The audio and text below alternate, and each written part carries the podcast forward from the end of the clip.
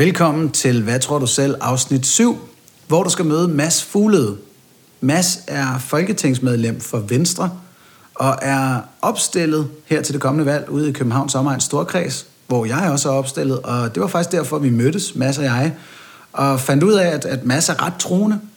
Øh, Især i hvert fald efter danske forhold, så tror han ret meget på kristendommen, og derfor var det helt oplagt for os at tage os den her samtale, udover alle de politiske samtaler, vi hjertens gerne selvfølgelig tager, øh, især op mod valget. Og masser af uddannet historiker og filosof. Det kommer ret hurtigt til at have sin indflydelse i den her samtale. Jeg kan afsløre, at efter cirka 20 minutter, så stikker det lidt af i en snak om, om ateisme og religiøsitet, og hvad det for eksempel kan have konsekvenser for samfundet. Og det er jo selvfølgelig hovedsageligt masses holdninger på det her punkt, der kommer til ord, men jeg kan ikke helt tige stille selvfølgelig.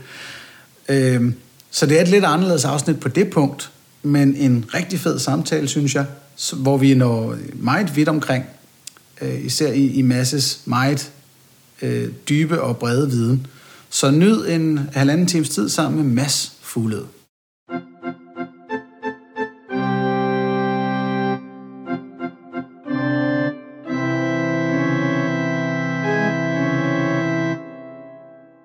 Mads Fuglede, velkommen i Hvad tror du selv? Mange tak. Du er øh, politisk gæst nummer to. Vi har haft Stig Grenov før. Nu siger vi, som om jeg er dronningen. Det beklager jeg. Øh, men du er jo øh, folketingsmand for Venstre, og lad os bare komme i gang med at høre, hvad er det for en tro, religiøs tro, du har?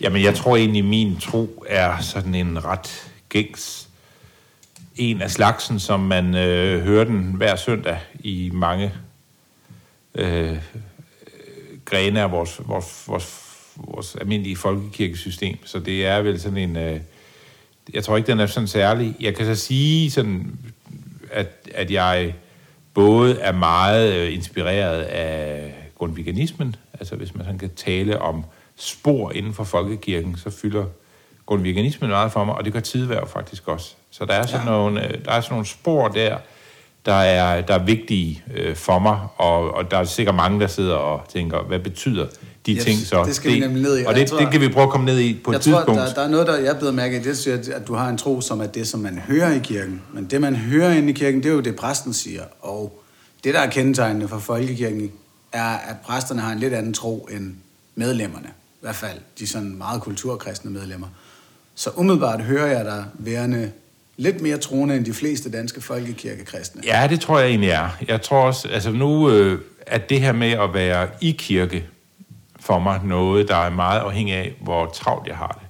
Men hvis jeg har et liv, hvor min hverdag er forholdsvis struktureret, og jeg går nemt, og jeg ikke hele tiden føler, at jeg skal gå og flytte rundt på aftaler og få tid til noget og skubbe ting, så vil det at være i kirke i hvert fald en gang om måneden være helt normalt for mig, og tit flere gange om måneden. Så på den måde tror jeg også, at jeg er mere sådan bruger af, øhm, vores folkekirke, og også nogle gange frikirker faktisk. Ja. Og jeg, jeg er jo også så meget bruger, at jeg nogle gange prædiker, så, øh, så jeg er jo nok, altså jeg ved ikke, om jeg er superbruger, ligesom hende Brita, der øh, havde, i Socialstyrelsen var superbruger og kunne øh, ligesom øh, lave om på systemet, men jeg er en flittig bruger af, af vores folkekirke. Ja, det må man sige. Okay, så øhm, vi tager en, en tros checkliste, tror jeg, fordi det er rigtig spændende lige at få, få helt på plads. Og så dykker vi ned i det her med grundvinisme og tideværv ja. bagefter. Så hvis vi tager den helt fra den, den fundamentalistiske ende, hvor gammel mener du planeten Jorden er? Jamen, øhm, altså jeg tror, jeg, tror, altså jeg, øh, jeg er jo øh, fuldstændig på videnskabens side der øh, okay. og evolutionsteori og så videre. Og, øh, og jeg, jeg mener ikke, at, at, at Bibelen øh, eller nogen religiøse forklaringer på, hvordan livet er blevet skabt, har noget at gøre med, med, øh, med, med, med det der. Så alle de der diskussioner, altså, altså jeg, jeg tror på det, videnskaben siger, ikke? Så, så, så mm. der har været en, øh, en, en begyndelse på et tidspunkt, som nogen formulerer som Big Bang, og noget af det, der sker der, bliver til jorden senere. Øh, og det gør det for... Øh, altså, altså, ja. altså, og det gør det på en helt anden måde, end, øh, end, end man sådan vil øh, høre, hvis man forestiller sig, at der er sådan en, en Gud, der sidder i et eller andet værksted og siger, nu i dag skal vi så lave en, øh, hvad ved jeg, en and, og så ja. sætter han ned og designer en and. Det er ikke sådan, jeg tænker mig, livet ved til. Nej, men så er det Gud, der har igangsat universet? Jamen det, ved, det, Eller er, livet? Jamen det, ved, det er et helt uinteressant spørgsmål. Altså, Okay. al- altså øh, tro for mig handler ikke om at øh, besvare sådan nogle ting. Altså det er slet ikke det, der er sådan okay. Budskabet i Jamen, det, er, kristendommen. fordi det er ret spændende, fordi vi, vi støder jo i artistiske selskaber sådan, på mange, der kommer med det her kosmologiske argument, at noget, der begynder at eksistere, må have en årsag. Ergo, Gud må være årsagen til universets eksistens. Men For mig, for mig er troen noget om, hvordan vi forholder os til vores land, vores arv, hinanden, og hvilke pejlemærker man har i livet. Godt. Og dem går man så ind og tror på. Troen er ikke sådan en, øh, en beskrivelse af, hvordan du skal forstå det, der er omkring dig, er blevet skabt på, eller sådan noget. Det, tror- det kan jeg slet ikke se, der er noget grundlag for, i, heller ikke i Bibelen, at, at gå rundt og gøre. Men det betyder ikke, at der ikke er nogen, der er kaldt sig kristne, der har gjort det. Og hvis man går tilbage til sådan... Øh, øh, i den tidlige kristendom, så er man jo øh, hele tiden nogen, der, der blander sig i sådan nogle øh, opfattelser af, hvad eksempelvis videnskab er og må, om det er overhovedet godt for os, og så videre, ikke? Men så lad os øh, springe frem til Jesus. Ja. Genopstod han som et fysisk menneske? Var Jesu genopstandelse en fysisk størrelse? Jamen altså, hvis man ser Jesus som en, øhm, en skikkelse, der rummer en holdning til tilværelsen, så det, at der er nogen, der tror på Jesus, betyder jo, at Jesus genopstår. Så selvom nogen slår ham fysisk ihjel, hvis jeg så vælger at tro på, at det, der er Jesu budskab, er øh, utrolig vigtigt Ja. for mig selv og for verden, i det, jeg tror på det, genopstår han så. Okay, men så er han jo en til en og svarer til Karl Marx. For mange af os, så er hans idéer noget, der genopstår i det, at de er rigtig vigtige for, hvordan vi tænker politik, for eksempel. Ja, vi, altså vi, nu skal jeg ikke sådan uh, guddommeligt gøre uh, uh, Karl Marx på nogen måde, men altså alle, der uh, tror på et eller andet, har jo noget til fælles, uh, i uanset hvad man tror på. Mm. Det vil jeg gerne, det vil jeg jo gerne medgive. Men, men er der noget, der gør Jesus ekstraordinær? I forhold til for eksempel ja, ja, Marx ja, eller ja, Jesus er andre? ekstraordinær ved, at han er Guds søn, ikke? Altså han er Gud. Så han var, noget, han var guddommelig, han var Gud. Ja, det er jeg fuldstændig overbevist om. Det er han, men, men, det er ikke, men det er bare ikke sådan en, en vigtig del af det.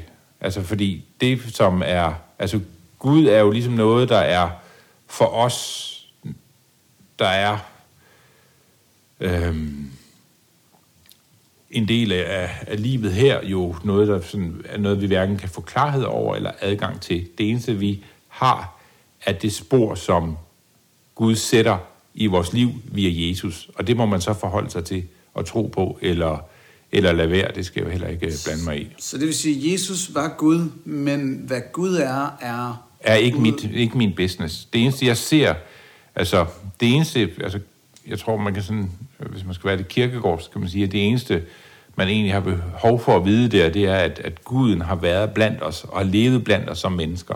Øh, men, men, men derudover er, øh, fremstår resten sådan lidt øh, tåget, må jeg sige. Ikke? Ja, det, det kommer desværre til for sådan en som mig at betyde, at det hele fremstår tåget. Altså, så den her Gud, uvist omkring, hvad den er for noget, manifesterer sig i Jesus, Ja. som er et menneske, Og i Helligånden, ikke? Øh, og i Helligånden, yes, okay. Men Jesus' genopstandelse er så ikke nødvendigvis noget med, at hans i fysisk form eller i spøgelsesform rende rundt i verden. Men det er jo ligegyldigt. Efter. Nå, men det, jeg spørger dig, hvad ja. din overbevisning er omkring det, fordi Stig Renov siger, at det var fysisk. Ja. Øh, biskop Peter Fischer Møller i sidste afsnit, ej, jeg ved stadig ikke, hvad han mente. Øh, men han mente, det var lidt mere end blot den her relationelle genopstandelse i og med, at hans idéer lever videre. Øhm, så jeg prøver lige at forstå, hvor din ligger i, hvad, hvad den her opstandelse præcis var. Men altså, for mig er det jo helt ligegyldigt, om guden manifesterer sig selv fysisk, efter han er blevet mm. dræbt via sådan en kødelig skikkelse på et, på et kors. Det, der er budskabet, og det, der jo, det der er adgangen til det her, er jo netop, at det her er noget, der manifesterer sig ved noget, man tror på. Altså, det, altså hvis, hvis nogen kunne vise mig, at en Gud gik ud af en, en, en, en, en grotte, vil jeg jo ikke sige, Gud han var død, nu lever han, nu må jeg hellere tro på det, fordi det er jeg jo ikke blevet overbevist af. Det, jeg er det er blevet, det, jeg er blevet overbevist af, det er, øh, det er, at Jesus i, sin, i sit liv blandt os, så, og, og, og, og selvfølgelig også med part i sin guddommelighed, men i sit liv blandt os, der går han med især to kvinder, som mange vil opfatte som faldende kvinder, øh, og nogle meget svage mennesker øh, rundt i ørkenen, og siger, at meningen med vores tilværelse er, at vi skal elske hinanden. Det er det, jeg tror på. Og hvis, hvis, hvis så nogen kan sige, vi kan toppe det her med, at vi ved, at han øh, genopstod for de døde, så bliver det ikke mere rigtigt eller mindre rigtigt at tro på. Okay. Og hvis nogen sådan kan sige, at vi kan desværre afsløre, at han kommer aldrig ud, så bliver det heller ikke mindre vigtigt for mig at tro på det budskab, Okay, som så, jeg lige har så nævnt. genopsta- genopstandelsen er ikke central for dig? Jo, jeg synes, at påsken er jo sådan en... Øh, altså, så i kirkelig forstand, øh, synes jeg, den er øh, utrolig vigtig, fordi den manifesterer nogle af de her, skal vi sige, grundprincipper, som er bærende for troen. Men jeg har jo aldrig nogensinde forholdt mig til det som sådan en slags bevis, eller om Gud er noget, der findes uden for mit trosbegreb. Fordi som jeg taler med mange kristne, så er Jesu genopstandelse lidt, ja nu siger du bevis, og det, det er heller ikke et ord, man nødvendigvis, men det er den afgørende, det afgørende element i, at han var noget særligt, og at han derfor er den budbringer, man baserer sin, sin religiøsitet på. Men det er Jesus-skikkelsen jo også. Det lyder mere som om, at du baserer det på hans budskaber. Ja, ja, ja, men, men, altså, men, og på en tro på, at guden, altså det guddommelige, manifesterer sig i livet, og rent faktisk øhm, som en person, der selvom vi øh, slår vedkommende ihjel, den symbolik, der ligger omkring det, øh, så får det ikke det guddommelige til at holde op med at elske os, trods vores øh, syndighed. Altså, der ligger nogle, nogle budskaber i det, som er helt centrale for, for kristendommen, at du kan ikke øh, opføre dig åndssvagt nok til at miste Guds kærlighed, hvis du vil opnå den igen på et tidspunkt. Altså, der er sådan nogle, nogle begreber om tilgivelse, om, om, om hvordan man øh, ligesom aldrig slipper af med sin syndighed, men alligevel ikke bare sådan er forstødt til et, et liv uden noget, noget mål og mening og så videre, de begreber kan man jo, altså,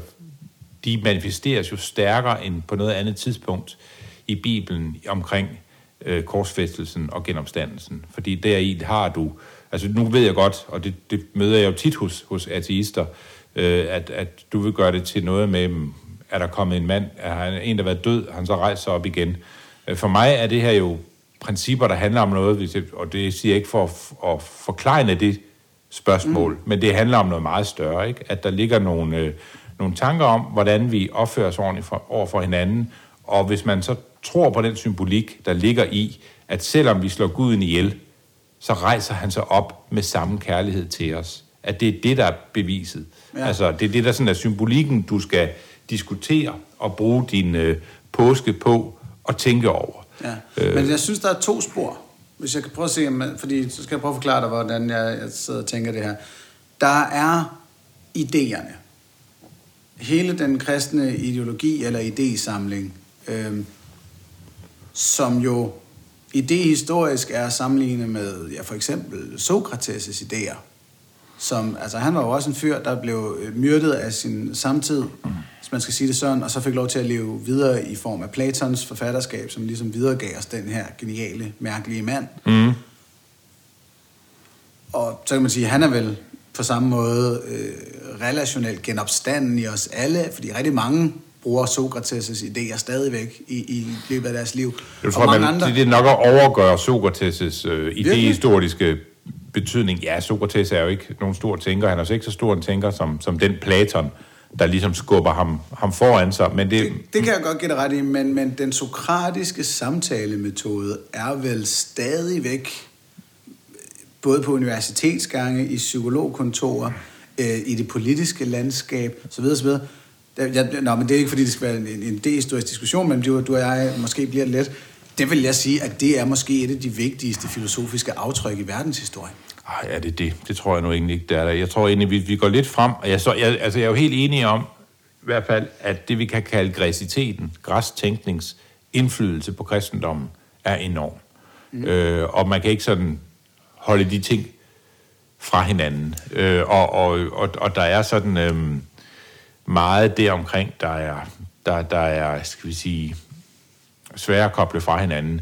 Men altså, jeg vil sige, at, at altså, både Platon er en meget vigtigere tænker end, end, end Sokrates, og han bruger så skal vi sige, myten om Sokrates, eller fortælling om Sokrates til sit eget projekt. Ikke? Og så, det, så det kan jeg, jeg godt være enig i. Og så synes jeg i den grad, altså Aristoteles er en, en endnu større og vigtigere filosof, der kommer øh, sidenhen, og, og, men, men stadigvæk, altså, øh, så er jeg... Ja.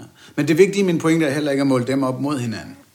Det vigtige er bare at sige, jamen vi har så vedkommendes filosofiske aftryk. Jesus' markante filosofiske aftryk, som kan sammenlignes med alle mulige andres filosofiske ja. aftryk. Og så er der den guddommelige dimension i det. Ja. Det, at han var noget ekstraordinært. Men man kan sige, der, det er det, det, jeg prøver at forstå. Ja, ja, men det kan man sige, hvis du, som, hvis du er troende, så bliver den kobling mellem, at det her er ikke bare en selvhjælpsbog, du mm. har læst, du synes, det er spændende. Det er rent faktisk et budskab fra det guddommelige. Det er et guddommeligt budskab, der ligger i det. Det er jo den kobling af tingene. Hvorfor er det, du læser noget guddommeligt ind i det? Jamen, det ved jeg. Det, jamen, jeg tror ikke, man kan, jeg tror ikke, man kan spørge sådan. Altså, jamen, tror det, man... der må der være et eller andet, der har gjort, at at han ikke bare er en fyr med gode idéer. At han ikke bare er ligesom Ja, ja, men ligesom, at man, men jeg, jeg, tror ikke, jeg, tror ikke, jeg tror ikke, man kan komme med et svar. Altså no, for nogle mennesker... Det håber tror, jeg, at man kan. Nej, det tror jeg ikke. Det tror jeg ikke. Altså hver gang jeg... Det, altså, det, det, fordi så det møder jeg sgu ret sjældent. at Jesus bare er noget guddommeligt, fordi nogen har sagt, at han er det. Mm, ja, det ved jeg. Du vil jo gerne have, at det er først, når vi ligesom kan lave sådan en... Øh, et sådan et uh, James Brandy-bevis på, at han rent faktisk har gået på gallet vandet, det uden at falde igennem. for mig, men ja. nu er det for men, det er, men, men for mig er det jo sådan ret ligegyldigt. For mig er det her et, et guddommeligt Men det virker som om, at, at det... Jamen, det kan jo ikke få afgjort. Nej, det, det, jeg er fuldstændig og, med på det. Det er heller ikke, fordi jeg har været det, afgjort. Det, det, jeg vil prøve at forstå, det er, hvorfor... Og det, det her bliver nok sidste hug på det. Hvorfor er der, det, nej, det du siger til mig, er, at der er ikke noget særligt i hans historie, der gør, at han er guddommelig, men du regner ham som guddommelig. Ja, det gør jeg. Altså, det er det, det, det, det jeg Uden vælger... Uden at pinpointe, hvorfor? Mm, ja, det ved jeg ikke. Altså, der, ja, der er jo hele... Altså, der er jo hele fortælling om det, der sker. Mm. Og der er det spor, det sætter i verdenshistorien bagefter. Og der er den... øh, der er den både fra tilkobling af det bibelske og, og, og, og de kirkesamfund, der opstår i en tro på det her, som jo bliver sådan nogle varetager af øh, kristeligheden over tid. Og i det spor, der er der jo sådan en forvaltning af troen på, at der er en guddommelig indsigt, man har fået her. Men, altså, ja. jeg, men jeg vil jo altså, jeg vil, jeg vil jo aldrig sætte mig ned og sige, at det her kan man bevise, fordi hele pointen med det er, at det er jo, altså jeg nok, vil jeg nok vælge at svare sådan mere kirkegårdsk, at hele troen bliver meningsløs, hvis den er et bevis for dig. Altså hvis, hvis du kan bevise, at det er det rigtige, ja. at hvis det ikke er et, øh, et spring ud på de 70.000 fagne, hvor du, hvor du har investeret alt det i dig, hvor du må sige, det her må jeg være i, med min tro, i stedet for som et bevis. Altså jeg kan ikke gøre det som, som en altså, Wilhelm, Vilhelm, jeg må gøre det som en trone. Øh, jeg må gøre det i sådan en, en tro på, at det her må virke. Altså på samme måde som, at, at du kan ikke sætte dig ned og blive forelsket i et andet menneske, og så sige, jeg vil rigtig gerne det her projekt med dig, men jeg kan kun gå ind i det selv, hvis det er sådan, du også kan bevise for mig, at du vil elske mig igen, til, øh, til vi ikke er her mere. Hvis, vi kan, hvis du kan det, så vil jeg gerne gå ind i det. Øh, hvor du bare også, som kærligheden er som væsen, må sige, det her må jeg bare tro på, at det kan bære, hvis jeg investerer mig selv 100% i det. Og på samme måde er det med, med guddommelighed og religiøsitet, at det her er noget, man...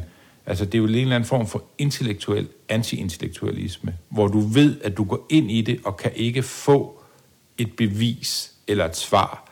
Du må bare håbe, at det, der er, øhm, det du går ind i, ja. at, den, at, at, at, det er, at det kan så Altså, at du gør det rigtige, så at sige, så, ikke? Så en hurtig side, sidevej her for samtalen.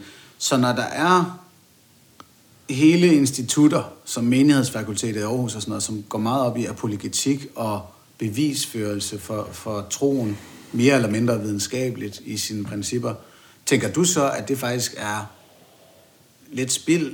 Ja, det ved jeg ikke. Jeg synes, jeg, jeg synes jo, altså alt det her med, altså Guds beviser, ja. er jo noget, der har fyldt meget, både i øh, filosofihistorien og i teologihistorien.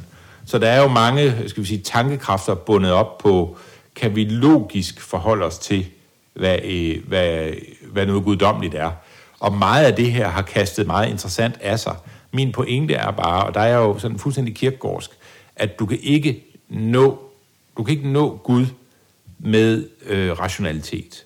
Det er ikke det guddommelige projekt. Og et forsøg på at forstå det vil være egentlig at, at, at forstå det guddommelige som noget rationelt. At det vil, det vil jo ikke, det vil i min verden ikke gøre det øh, guddommeligt. Altså, mm. hvis, hvis, hvis nogen kunne sætte sig ned og sige til mig, hør her Mads, du elsker Maria, fordi nu har vi tjekket øh, din hjernes kemi, og nu kan vi forklare dig med rationelle øh, med rationaliteten, hvorfor det er hende, du elsker, og ikke, øh, ikke Anders. Men det er simpelthen, ja. det, det, er, det er sådan, det er. Og, øh, og, og så vil jeg jo ikke, det, det vil min kærlighed jo ikke blive større eller mindre af. Nej, men det, den det, vil blive påvist. Ja, men det vil ikke, det er jo ikke noget, jeg kunne bruge til noget. Altså, Virkelig? Nej, slet ikke. Øh, der er andre ting, hvor jeg kan bruge det rationelt rigtig fint. Jeg vil gerne have, at nogen er rigtig skarp på, hvordan tyngdekraften virker, så jeg ikke falder af planeten. Øh, alt sådan noget, det vil jeg være, det, det er rigtig fint. Men, men, men vil du ikke kunne se den praktiske implementering af, hvis man kunne måle menneskelige følelser? Nej, det kan jeg ikke se nogen mening med. At, at man ligesom kunne få valideret... Nej, lige på, nej. Og jeg, og jeg ikke vil... nødvendigvis kærlighed til en anden menneske, men, men også få valideret noget had, øh, jalousifølelser og andet, man, hvormed man så kunne få redgjort for irrationelle Nej, fordi, nej det vil jeg aldrig nogensinde øh, synes, man skal pille ved. Altså, hvis man nu kunne lave en pille mod jalousi, det ville jeg synes var noget rigtig dumt at gå i gang med at mm, Det vil jeg også godt sige. Der vil jeg hellere se en, en terapeutisk øh, indblanding, men... Jeg vil heller ikke terapeutisk pille, vil sige. Det vil du ikke? Nej, det er helt sikkert ikke. Jeg vil helt taget, vil jeg, vil jeg terapeutisk pille meget lidt ved menneskelivet, hvis jeg skal, den skole er også fra. Ja, altså, det er måske, der er vi, der er vi helt øh, modsatrettet. Øh, det, det virker som om, du har lidt en romantisering af, af det ukendte og af uvidshed. Er det meget rigtigt forstået? Nej, det tror jeg egentlig ikke. Jeg, det, det, sådan opfatter det ikke. Øhm, men ja, man, man møder tit, især når man taler med mennesker, som ikke er troende, så møder man tit det her med, at punkt et, de siger, når de sådan oplever, og man hvis de oplever troende, så, oplever, så siger de tit sådan noget med, at det der vil jeg gerne kunne nå. Øh, jeg vil gerne kunne have den der, øh, jeg vil også kunne tro lige så stærkt, som du gør. Mm. Hvordan kan man det? Hvad er det? Hvad, kan du ikke give mig et bevis, så jeg ligesom når derhen? Og så må man sige, det er, så er du, nu er du dumpet, må man så sige. Ja, ja. Altså, og, det, og, så kan man jo så, og, så, og så er det sådan, det er. Så kan man jo så gå videre øh, i fordragelighed sammen og lave noget andet end at og diskutere det. Altså, det er, jo, det er jo så der, den står, ikke? Men vil det så sige, når det kommer til din tro, øhm, når det kommer til de fleste andre ting i livet. Nu er du politiker.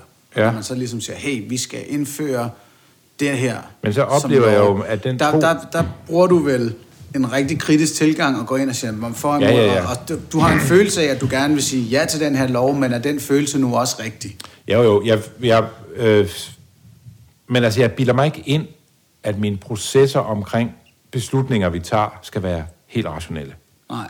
Men du stræber vel efter noget rationalitet? Ja, ja, selvfølgelig. Arbejde, Hvis nogen kommer og siger, at vi skal, vi skal bygge en bro øh, af klid, så vil jeg jo sige, det tror jeg er en dårlig idé. Og det, det har vi hørt er det mest øh, bæredygtige at gøre.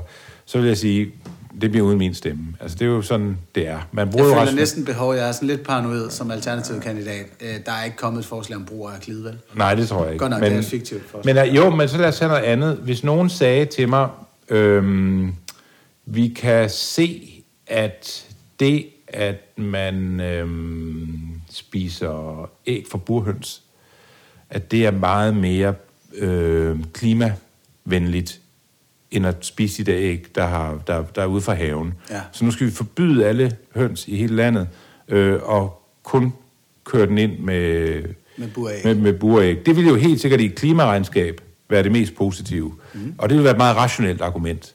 Og der vil der være noget, hvor jeg vil sige, øh, okay, her må vi bruge noget, noget, altså så rationelt skal det heller ikke være. Og, og alle, alle Men der er jo sådan, noget rationelt i også at sige, at de her høns har ret til liv. Nej, det er et meget følsomt argument, vil jeg sige. Det synes du ikke? Ja, det er... Det, er, Nå, det synes jeg er- bestemt er rationelt. Det, det, hvorfor? Er, har du talt med høns og kan gestalte Nej, deres det, det oplevelser? er ud fra en af- betragtning af, her er liv. Der, her er nogle høns. Ja. Og i og med, at de eksisterer, skal de have lov til at udfolde Men det er, altså en eller anden føl- det er udstrækning. jo ikke rationelle argumenter. Jo, det er et rationelt argument. Det er ikke et, et, øhm, øh, det er ikke et, et argument ud fra høns som ressource. Fordi det, ud Men- fra men- høns som ressource vil man sige, så skal vi gøre Men sådan i her. det selv- men det- høns er ikke kun et produktionsapparat. Det er liv. Derfor giver man den mulighed for, Det er liv. for liv. Ja. Ja, du har lige brugt et religiøst argument. Nej, det er Jo, det er det, det er jo helt, helt grundlaget for en religiøs Det er som om, samtale. I det, jeg siger, det er liv, så er det religiøst, eller Ja hvad? Du, Nej. du tillægger det en spiritualitet. Nej, jeg tillagde det liv, det var det. Jamen, du, livet tillægger du en spiritualitet. Så er du lige... Nej, heller ikke. Jeg siger bare, at der er bevidsthed i den høne. Begrænset, bevares, men der er bevidsthed. Det skal den have lov til at udfolde. Det er den rationelle side af at sige, den, den høne skal du ikke bare spærre inde og bruge som et redskab. Det behøver der ikke nogen som helst religiøs Det lyder, det, eller altså, det lyder absurd religiøst i mine ører. Du, altså- Men har du, har du aldrig hørt altså, ateistiske veganere komme med lignende? Jo, jo, men ateister er jo nogle af de mest troende mennesker, du overhovedet kan møde. Og hele deres måde at forklare ting på, det du også er bevis på nu, er jo, at man påstår sig selv frataget en måde at diskutere ting på, og så gør man det selv bare på, den, på samme façon, ikke? Nej, jeg, jeg mener bare, at du smider et unødvendigt appendix ind i min argumentation. At, at den, de- hvis man gerne vil have, at, at, at ens produktionsapparater, de her høns, skal have lov til at være andet end det, så er man der allerede. Og det kræver ikke nogen spirituel eller religiøs dimension overhovedet. Jeg, jeg ville da faktisk synes, det var meget skræmmende, hvis det krævede religiøs Altså altså selv- tankegang at tænke på andet liv end menneskeliv som andet end, end redskaber. Men det ville jo være den absolute rationalitet At at gøre det. rationalitet i forhold til produktion, eller hvad skal Nej. sige, forhold, jo, den absolutte rationalitet i det øjeblik, du går ind og siger, menneskelig eksistens er det væsentligste. Fordi hvis du, hvis du siger, at det er den absolute Nu rationalitet, sidder vi et bord så, her så vil ved, slaveri nu sidder vi her ved et bord, der er lavet af træ, ikke? Det træ har vel også haft, det vel også liv på en eller anden måde. Og du er vel enig om, at hvordan man behandler et træ, før man saver det til dit bord, at i det der kan der også ligge nogle etiske overvejelser, og så I videre. det øjeblik, der, der skulle være øh, en indikation af, at træer havde bevidsthed. Så måske. Men, men nu, hvis jeg må prøve den anden vej tilbage, altså hvis du siger det der med, jamen, det i øjeblik, man går ind og synes, at hønen har ret til, til noget mere eksistens, til Men, at det, jagte sin men, bevidsthed. der, der, Hvordan, men jeg er helt enig med dig der. du jeg, så forstå, jeg, hvis jeg at- synes jo, at en høne er en del af et skaberværk. Ja. Også selvom jeg ikke har noget behov for at se en plan for, hvordan skaberværket er blevet udfoldet, og hvis planen er, at evolutionen bare har lavet det, så er det fint med mig.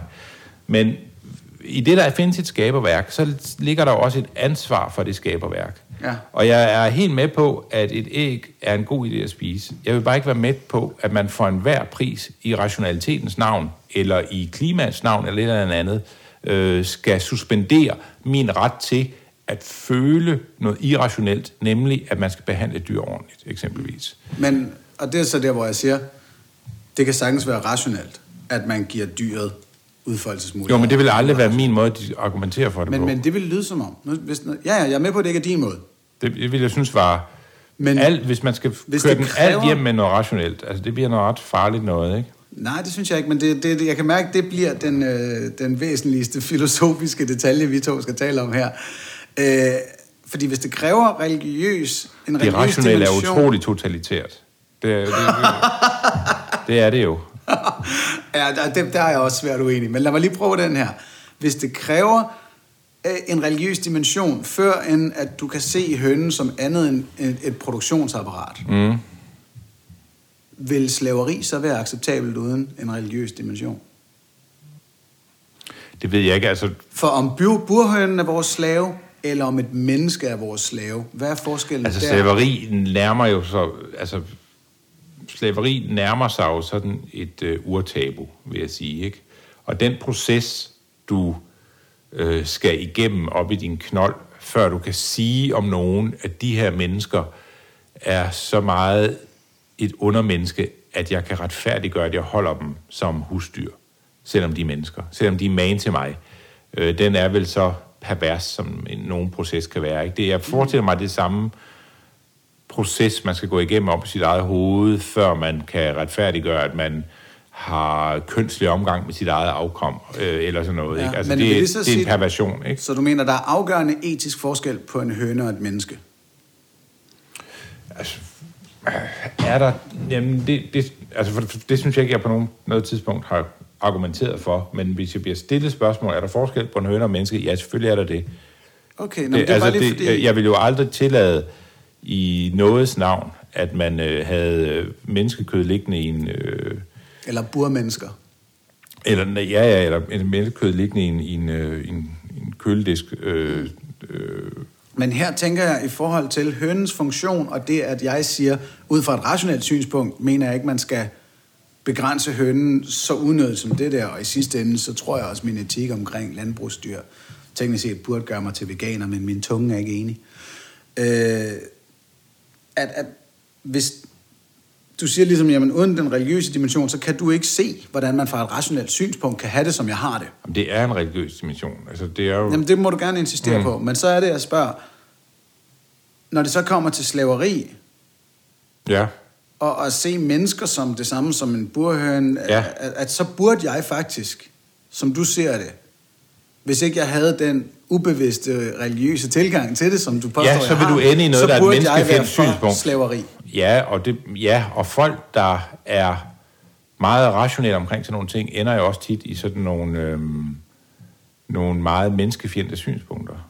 Gør vi det? Ja, det gør Hvis du ser på sådan nogle rendyrkede materialistiske ideologier, som kommunisme og fascisme, hvor, hvor, hvor alt ligesom er opløst i rationalitet, og man har bekæmpet alt, der er irrationelt, alt der sådan på en eller anden måde har en metafysisk øh, øh, dimension, de, de ender jo altid med at være det mest, mest menneskefjendske, der findes, ikke? Og, man skal, og, og, og hvis man sådan... Og sådan noget øh, som humanisme?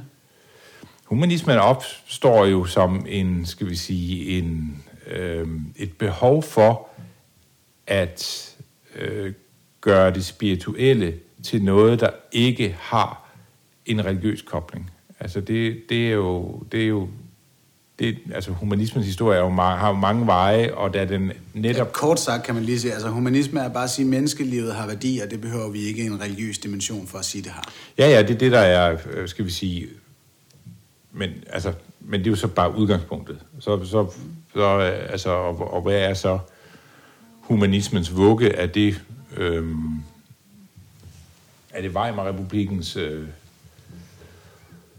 skal vi sige, Nå, men okay, uden vi lige graver længere ned, fordi du kan måske godt forestille dig, at jeg er en lille smule støt af den der, øh, at lige så snart mennesket smider religionen, og den skejder... Det bliver ting meget farligt. Så ender det totalitært. Ja, ja.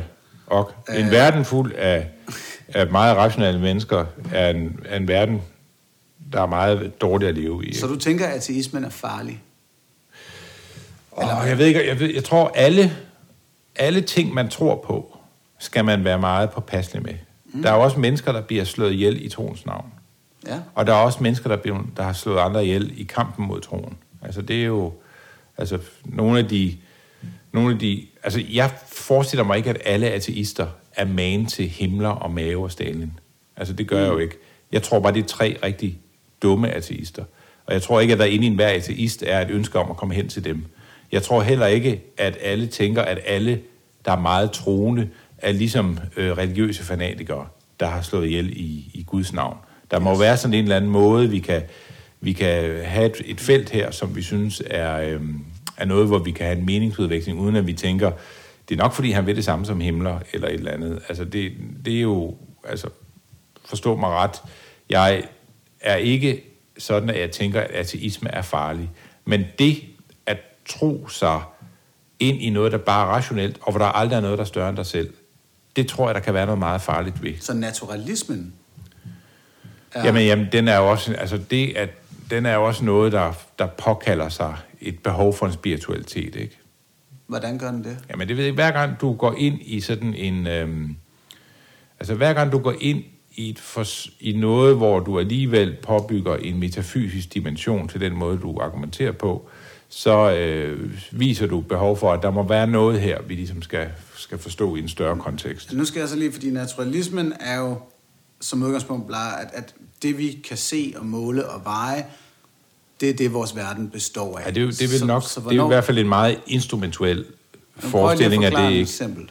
Ja, men der kommer vel ikke noget metafysisk ind Men her? det, vil- det gør der jo så alligevel ret hurtigt, ikke? Hvordan? Altså, jamen det er fordi, at det, du, altså det er jo en god gamle diskussion om, kan man skabe sådan et, et, et syn på verden, som er blottet for en, noget metafysisk. Altså forestilling om, der ligger noget bag, der, er, der skaber en orden i det her. Og at den orden alligevel ikke guddommelig. Og når vi har gjort den naturlige orden til noget guddommeligt, er det så ikke det, vi også kalder for moder jord. Altså der kommer bare ret hurtigt nogle processer i det, hvor der kommer noget, man alligevel forstår som noget, der er ukrænkeligt, smukt, Men- rent, oprindeligt. Men Også allerede, i, allerede det første punkt i den argumentationsrække var jo ud over altså, naturalismen. Jamen, det, det ved jeg ikke, om du... Det, altså, det er jo en filosofisk diskussion. Ja, kan ja, man nej, sige, men det er det er det? stadig altså, jeg, jeg, påviseligt. jeg er med på... Det er stadig Jeg er med, påviseligt. I det øjeblik, du siger Jeg er med på, at hvis du- årsag til, hvordan tingene hænger sammen, så er du ude over jeg, naturalismen. jeg er med på, at hvis du spørger en øh, filosof som øh, Nietzsche eksempelvis, så vil han øh, jo øh, hævde det. Og så, jeg er så også fuldstændig på det rene med, at det at ville påstå noget uden metafysisk øh, dimension, er jo sådan logisk meget svært at nå hen til. Hvorfor er det det? Jamen det synes jeg, det jeg har, har sagt. At fordi, at der altid vil ligge en, øh, en orden bag ved det, som man ender med at gestalte som noget metafysisk. Nej, igen, der, der vil jeg jo klart sige, som udgangspunkt, når, som, som naturalist og materialist, som jeg vel er, så går jeg ikke ind og tænker i, i hensigt eller bagvedliggende orden. Jeg tænker i observationerne umiddelbart nu og her, og hvad kan jeg udlede af det? Det er en, en, en, en, et syn på verden, som er fri for metafysik. Som Du, du mener, man kan have et syn på verden, der er fri for metafysik? Ja, i den udstrækning, at man siger, at det øjeblik, der kommer de metafysiske spørgsmål, eller hvordan startede det så, eller hvad, hvad ligger der bagved, Det er jo at dog- der siger det er man, jo- det ved jeg ikke. Men det er altså... Det er jo en spændende diskussion. Men er det ikke det syn, som og, der, og det er den, den logiske positivisme, der den sådan buller der ud af, og før den blev til sådan marxisme og fascisme øh, i sådan sin måde at opføre sig på, der havde den jo også den tro, at man kunne tænke følelser ud af den måde, man ser verden på. Man kunne bare måle og veje alt. Mm. Man finder så ud af, at når man ser på alle med instrumenter, instrumenter, det er derfor, jeg kan tale om instrumentalisme i det, ikke? at så ender man jo ret hurtigt der, hvor man gør nogle ret skøre ting I, jeg- øh, i den naturlige... Øh, og så begynder man jo ret hurtigt så at sige, Nå, men det er jo fordi, at øh, vi har noget, vi så tror på, ikke? Og så bliver øh, det jo så pludselig til noget, der er øh, alligevel noget, der har en metafysisk dimension. og Jeg så synes, det er der jeg, så bare synes, tit... jeg synes, du laver en associationsslutning, der ikke er helt fair her. Øh, Men du har jo bare gjort præsten. Altså, du har bare... Altså, Jamen, det er det, du- naturlig det er det, orden der er gør jo bare videnskabsmanden til en ny præst, ikke? Det er det, der gør den... Nej, det er den uretfærdige association her. Øh, fordi, ja, her er, det, som du siger, positivismen bliver til noget lort på et tidspunkt. Nogle steder. Hvor at- Altid. At, nej. Jo, det gør- jo, det gør det Den er altid, også blevet men- til de mikrofoner, vi sidder her og taler Lige præcis, i, og den og det- teknologiske men- udvikling, som, som har givet os så meget godt, og som Og det er fint, borgerlige politikere men- i hjertens gerne står og siger, at det, det skal vi være glade for. ja, ja, men, det, men jeg taler ikke for, at det ene skal være det på trods af det andet. For mig er det her jo noget om sådan en, en, øh, en Men- darwinistisk balance. Ikke? At på Det- den ene side, der har vi gestaltet i personen Darwin, eller det kan være Newton, en af de største videnskabsmænd på sin tid, og på den anden side også et, øh, et dybt religiøst menneske. Altså den ja. der balance, og sådan skal vores verden også være. ikke? At jeg går ikke bare på, på arbejde for at, at tjene penge og skabe vækst til velfærdsstaten osv. Jeg gør det også øh, øh, med et krav på, at jeg vil øh, have tid til at elske de mennesker, jeg elsker, og, og alt sådan noget. Ikke? Altså den balance men, skal være i er jo- tingene. kan mine øjne jo også fuld, er fuldstændig rationelt. Det er jo sådan set derfor, jeg er i det. Igen, det der siger, at den uretfærdige association, det er at sige, "Nå, men så starter de her idéer, og så bum, øh, eller lige så stille, så kommer vi frem til øh, Stalin. Og fascisme og så videre, hvor at, at du vil jo heller ikke synes, det var synderlig redelig argumentation af mig at sige, "Nå, men så kom der kristendom, og så lige pludselig den spanske inkvisition og enevælde, øh, som kirken holder Men i det hånd tror med, jeg- med kongen og så videre, og Men alt det der, der kommer som... Ja, men alt det der Altså- kommer jo som... Altså, det kommer med alle... Alle, skal vi sige, idehistoriske strømninger, man har haft, har nogen forsøgt at bruge i en historisk kontekst på en façon, hvor de har været totalitære i deres måde at være på. godt. Så hvorfor Og er, det, hvorfor er det for, for naturalismen og positivismen, Jamen, og, det, det gør jo så også gældende for dem. Ja, det men hvorfor er det så der. særligt i deres Jamen, det, er fordi, tilfælde? det er jo fordi, man jo så bevidst tænker noget, påstår, man tænker noget metafysisk ud af det. Det er noget, du påstår, vi påstår. Jamen, det, jamen det, ja, det, kan, det kan vi ved med at diskutere, men det, det, er, altså det, at man siger, nu, det menneske, der stiller sig op og siger, jeg er bare rationel. Alt, hvad jeg gør nu, det er, øh, sker med den dybest logiske orden. Det ender altid også med at være, være de tænker, tænkninger, der fører til det mest totalitære. Det mener jeg, altså, verdenshistorien har bevist mange gange. Nå, og lige før sagde du, at alle retninger bliver misbrugt. Ja, ja, det, men, Men, det, er jo, den, det er jo ikke... Det er jo ikke den her er mere potentiel. Ja, den er altså, Farlig. Ja, hvis man ser på, øh, altså, da man rydder op i, øh, i Tyskland med det, der hedder Kirchenkampf, ikke? Altså, det er jo sådan et, øh, et meget voldsomt eksempel på det, eller et holocaust og så videre. Det kommer jo ud af sådan noget, noget tænkning, og, eller med kulturkampen i kulturrevolutionen i Kina og så videre, ikke? Øh, sådan fuldstændig... Så du tænker, at når, når tyske soldater under nazismen skulle sværge ved Gud og Adolf Hitler, at de var en del af det hele, og når der stod godt mit uns på deres bæltespænd og så videre, så var Godt, det jo hun kommer tilbage fra Første Verdenskrig. Det er, Ja. meget, det er meget øh, ældre, ikke? Men, men, men det er jo en realisering af, at øh, jeg tror, Kirkenkampf i, i, i, i fascismen ret hurtigt løber ind i, at folk er for, som man jo også gør i den, i den, øh, i, med den kommunistiske ateisme, at man løber ind i, at folk er for troende til, at vi kan brænde de her kirker ned. Så man vælger at lave den der. Så man vælger at lave sådan en, øh, en sammenblanding, men målet er jo hele tiden at komme af med dem. Altså man skal jo ikke læse ret meget i Marx for at finde ud af, at det her er ikke et oplæg til, at vi skal, at vi skal skabe et stort rum for, for troende mennesker. Altså det, jo, mm. det ligger jo simpelthen ikke i det. Nej. Så det vil stadig sige, Og det gør det selvfølgelig heller ikke i fascismen. mm, den, den, den ateistiske tilgang til verden, tror du er lidt farligere end den religiøse tilgang. Mm, Jeg ved ikke. Er det, er det ikke meget rigtigt, eller hvad? Jeg prøver jeg, at- jeg vil med at sige, jeg siger, måske ikke den ateistiske, men i hvert fald en tilgang, hvor man siger, vi skal bekæmpe alt det, der hedder tro. Alt det, der er irrationelt. Altså det at ville det. Et totalt logosbaseret projekt. Mm. Det er virkelig, virkelig farligt. Altså jeg tror, det er altså den, en tro på noget, der fuldstændig er styret af logos. Det vil være meget, meget i mine øjne så potentielt inhumant. Der tror jeg da også, at erkendelsen øh, fra de fleste, der eventuelt havde den tanke for et par hundrede år siden, det var, at mennesker er ikke styret af logos, ergo udelukkende, så ergo kan du ikke styre dem udelukkende med logos.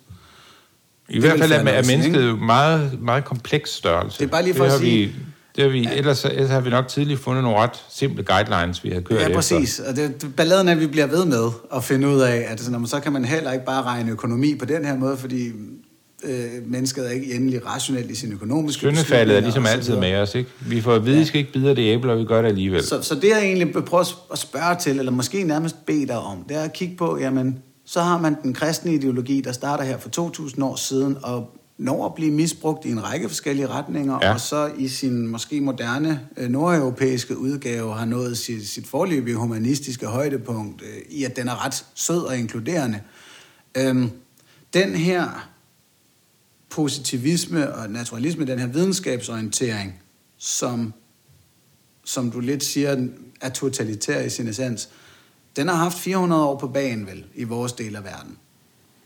Og har nu nået at få... det går vel, jeg ved jeg ikke, jeg synes det Har den faktisk ikke godt, fået ryddet lidt ud i nogle af de børnesygdomme? det ved jeg ikke, den går tilbage til her klit, så den er jo meget Det ved jeg godt, ikke? men, så var den på en ordentlig pause, grundet øh, religiøs undertrykkelse, så den kom først med nej, det oplysningstiden synes, nej, igen. det, det, ja, hvis du læser, øh, hvis du læser meget om den periode, hvor man ligesom taler om den mørke middelalder, så finder man jo ud af, at der skete en, skete en masse, og der skete også en masse videnskabeligt.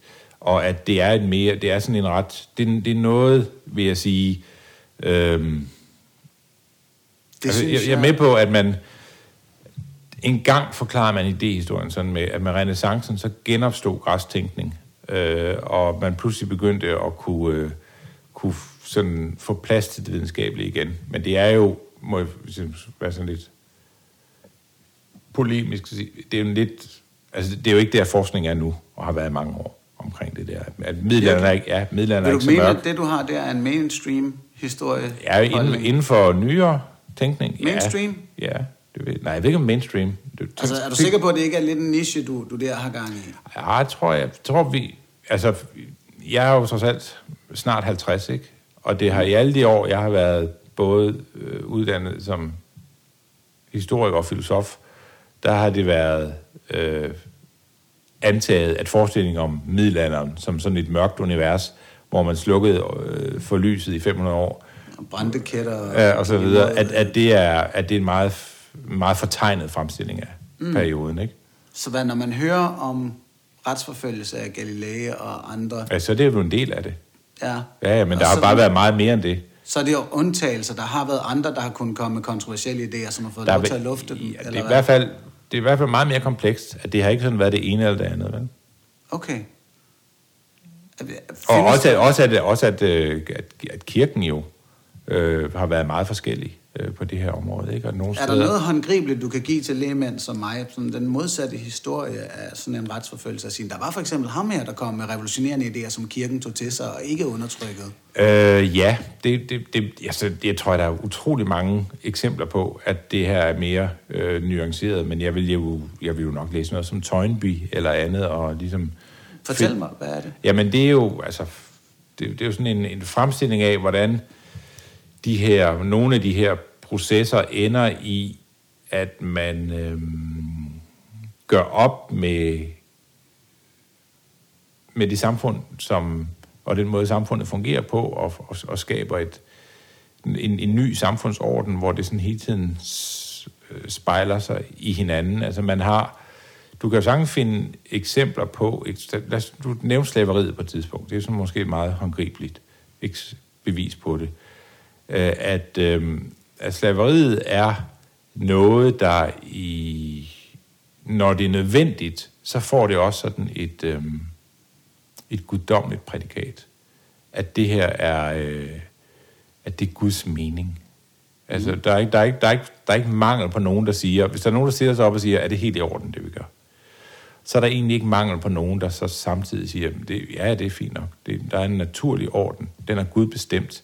Du skal ikke stille spørgsmålstegn ved, om det er i orden, og sejle ned til Vestafrika og hente nogen, øh, der skal sælges videre, som var de ikke mennesker. Det, skal du ikke, det, det, det, er der en, det kan du godt finde eksempler på. Samtidig vil du så se, at den proces, der fører til opgøret med slaveriet, som, et, øh, som noget, der er ondt, er kirkelig. Mm. Øh, og øh, at nogle af de, der er... Øh, altså, når vi så kommer Hvilket vel for- også hænger sammen med, at de fleste magthavere på det her tidspunkt, hvis ikke alle, er kirkelige. Mm, nej, jeg tror, hvis du nu ser på altså dem, der bliver til slavemodstandere i USA, abolonister og så videre, ikke, så har de meget stærke kirkelige rødder. Ja, men var der nogen, der ikke var? Det er det, jeg spørger om. Om der var ateister i det, det politiske landskab, der... Som du bad, om, du bad om et eksempel på, Jamen, det er om, fordi, om her de mener her jeg- processer er modsatrettet, øh, og om de internt har været i Det er kamp. bare lige fordi, du siger, at de var kirkelige, dem der stod for det her. Der er sådan lidt, jamen der var vel heller ikke andet at vælge imellem, end kirkelige mennesker. Mm, det ved jeg ikke, der var. Jo, det tror jeg nok, der var. Øh, Jeg tror også sagtens, du kan finde nogen, der er meget lidt kirkeligt orienteret, som også er abolonister. Men mange af dem er bare. Og mange af dem har udgangspunkt i øh, kvæg og menigheder, og, øh, og, og, og mange af dem har i udgangspunkt i Jesu bjergprædiken og andre ting, ikke? og bruger det som er sådan det ikke, deres... fordi de var absolut de mest talstærke? Øhm, det er jo... Ja, det, det, jeg, jeg forstår simpelthen ikke argumentet her, fordi... Vi, Ja, vi, det, vi, det er ikke vi, et argument, det er ikke et modargument. Det er Nej. bare lige en sådan... Fordi nogle gange så er folk jo, har folk Der er nok argumenter nogen- af, er Det her, det var en kristen person, der fandt på sådan og sådan og sådan. Så bare, ja, ja, men, men... Og det du er på vej ud at sige, som jeg forstår det med slavernes ophør, det er, at man begynder at læse teksten og sin religion anderledes. Og Jo. deri starter der en Og- positiv samfundsforandring. Og det er nok, fordi der er mange mennesker på det tidspunkt, der jo også har brug for at vide, at hvis vi gør op med den orden, der findes, når nu nogen siger, at den har været guddommeligt sanktioneret, hvilket jo er noget magthaver ret hurtigt gør, fordi hvis folk er meget religiøse, ikke, så hvorfor ikke så sige det er, er sådan, ikke? Der har jo ligefrem været, der er jo også ikke, altså hvorfor er der folk, der går ud og gør Jesus til kom, den første kommunist? Det er jo nok også, fordi man kan Brug det som bruge, argumentatorisk. ja, det betyder ikke, at, at, at han ikke har været det, eller at man godt, men det bliver, det, man må nok se det som måske et værktøj som noget andet, ikke? Men det er mere for at sige, at den her forestilling om, at når du har, at du har haft sådan en middelalder, hvor der har været præster, der rendte rundt og sagde, vi skal finde på nogen, der finder på noget sjovt og bruger logiske argumenter, og skal vi sætte ild til dem lige med det samme, at det har været mere komplekst. At der har været nogle indre dynamikker, hvor de har Og er der kæmpet- nogen, der har talt religionen imod? Fordi her taler man, altså jeg er med på, at man siger, at den her idé er nu ikke længere religiøs, og så tager man et stort opgør omkring slaveri.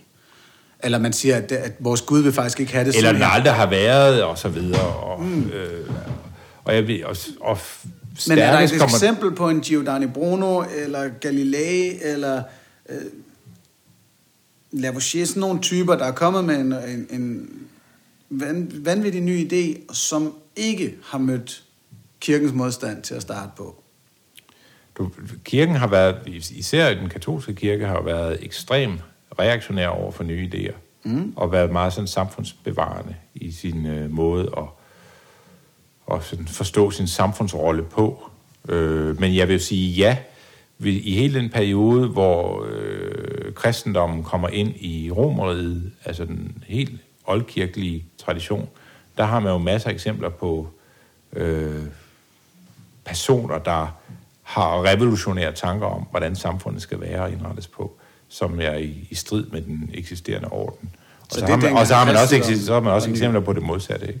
Ja, men det, så det var dengang, den var lidt den nye spiller i forhold til de romerske guder. Ja, men jeg, jeg jeg, jeg ved ikke, om det var så meget var de romerske guder, man gik, man gik op imod, men altså... Ja, men, øh, jeg kan godt lide, at vi har taget en, en god lang afstikker ud i det her øh, filosofiske og historiske, hvilket også giver mening i forhold til, til din baggrund. Jeg kan godt lide den her sætning med, at, at den katolske kirke var meget bevarende, konservativ mm. i sin, og det er en religion jo gerne, fordi man har en, nogle tekster og nogle doktriner, der har nogle år på banen. Og man kan i hvert fald sige, det her med, at man gør, altså når man, når man gør religioner til noget, der bliver, altså for mig er det religiøse et personligt møde med det guddommelige. Det er der, det foregår. Så man kan sige, når, når det religiøse bliver til noget, der bliver til øhm, bevægelser, institutioner, i det man får...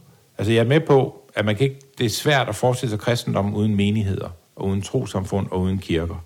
Mm. Men bagsiden ved hele det projekt er, at det, der optræder sådan nogle bevægelser, der selvom de siger, vi er ikke politiske, ligesom dine tidligere, at du er ikke øh, metafysisk, så er de alligevel politiske. Og de indgår i en tids magtpolitik, og de bliver instrumenter til det samme. Ja. Og hvad enten man får den katolske kirke eller den protestantiske øh, skov af øh, kirkelige retninger, så indgår de også i den samme dynamik. Mm. Øh, og, og jeg er, øh, altså jeg, jeg er glad for folkekirken, men er jo bestemt ikke blind for, at det sekund, at man får menigheder og mennesker, mange mennesker samlet et sted, at så indgår kirken også i et politisk spil, hvor det handler om at øhm, holde fast i en samfundsorden og en magt, hvor det egentlig ikke på noget tidspunkt handler om dit gudsforhold, men det bliver sådan adgang til at kontrollere mennesker eller påvirke politiske processer. Yes. Og det, på den måde er jeg jo, altså, altså jeg er jo ikke nok ikke der med kirkegård. Men er du, er Som du vi- sekulær? Prøv at guide mig hen til, hvad det er, du siger. Jamen, jeg, jeg, jeg, det, det prøver at sige nu. Jeg er jo ikke der, hvor jeg som kirkegård synes, at man skal bekæmpe folkekirken. Altså, jeg synes ikke glad nok for folkekirken.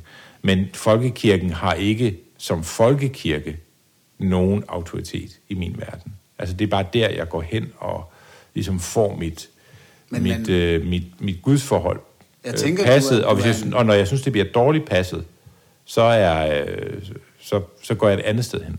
Men folkekirken er vel en, en magtfaktor i Danmark, eller hvad? Jo, det er det da. Det er det. Den har, og, og folkekirken er meget politisk. Ja. Hvis du går ned og ser på folkekirken, repræsentanter for Folkekirken skriver og så videre, ikke? Og hvis du tager sådan en, hvad hed, men, Biskop Kjeld Holm og så videre, det er jo sådan en, øh, en meget politisk dagsorden, han har haft, øh, når han hver gang han skriver et læsebrev og så videre, bruger ja. det, altså man kan sige, hvis, hvis, hvis man som jeg mener, at man skal adskille politik og, og religion, så er, er der, er, man sige, det er der mange, der ikke gør. Ikke? Er du sekulær? Ja, jeg vil, jeg vil i hvert fald aldrig øhm, bruge et øh, religiøst argument i en politisk debat. Men, men hvad med kirke-stat-forholdet? Altså, om man skal adskille kir- øh, folkekirken fra... Ja, adskille religion og stat. Og dermed også folkekirken fra staten, selvfølgelig. Jamen, altså, man skal i hvert fald ikke have religion i en politisk proces. Så folkekirkens øh, åbningsgudstjeneste er Folketinget?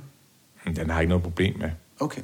Men, men, altså, men hvis vi nu forestillede sig, at, folke, at det, man havde en folkekirke, også betød, at kirken skulle høres i politiske spørgsmål, så ville jeg selvfølgelig bekæmpe det.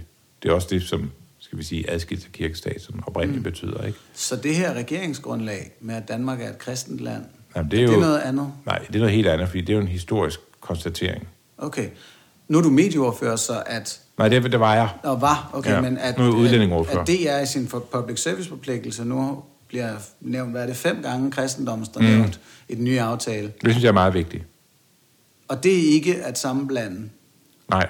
religion og Der er nogle ting, man har fået i arv. Nå, så det er et spørgsmål om historie? Ja, det er det. Men videnskab er ikke nævnt længere. Er det ikke også en del jo, jo, det er også nævnt. Eksplicit nævnt. Og er det ikke ud? Nej, det er eksplicit nævnt. Og det skal også... Øh... Så skal jeg tjekke mit medieforlig igen, sorry. Ja, og det, det, og det har man også en forpligtelse på at, at formidle. Ja, du, og hvad, så, så hvis jeg stadig... Vi er mange, der føler, at videnskaben er blevet nedprioriteret i forhold til kristendom i public service-aftalen. Kan det, du trøste os? Ja, det tror jeg ikke, du skal være nervøs for. Okay, så... så men så, altså så derfor... det er videnskab, de tilsvarer, hvad der ellers er nedlagt i, for eksempel det at tro, hvis nu det hedder afdelingen det ikke lige nu. Men altså nu, altså i et medieforlig, der vi, vi fastholder det princip, at øh, det er ikke politikere, der laver sendefladen. Mm. Vi laver nogle rammer inden for hvilke vi forventer, at der er udsendelser, som dækker de her forskellige områder. Og, og vores, vores kristne kulturarv er en del af det. Men det er vores, øh, vores øh, altså det er H.C. Ørsted og, og, og så videre. Det er, jo, det er jo også en del af det. Så der er jo mange ting, så der er både et historisk perspektiv, et videnskabeligt mm. perspektiv. Og et Men her vil så min tanke være, når du siger det her med, at religioner har gerne den her bevarende konservativ islet. Ja. Og, de, og religioner, når de bliver til institutioner, og det er jeg fuldstændig overbevist om, er 9 ud af 10 gange nogen, der ender med at blive lige så destruktive som øh, de ismer, der har udgangspunkt i sådan en, en ren mm. øh, logisk opfattelse af verden. Så og de bliver instrumenter til magt. Ja. Ikke? Så når jeg ser paven, så ser jeg øh, en, selvfølgelig en port ind til millioner af troende mennesker, som jeg på mange sæt har noget, hvor jeg vil sige, jeg er enig med dem, men jeg ser også noget, der er øh, frygtelig konservativt og blander sig i ting, som jeg ikke kan forstå har noget med religion at gøre. Mm, og som præcis. ensretter troen. Og, og hvilke, det, hvilke ting for, for eksempel er det? Jamen det, er jo, det er jo hver gang, du giver nogen et normativt bud. Altså for mig... Som for eksempel, jamen, jamen, hvis vi lige tager den lidt ned i det, altså, værdi.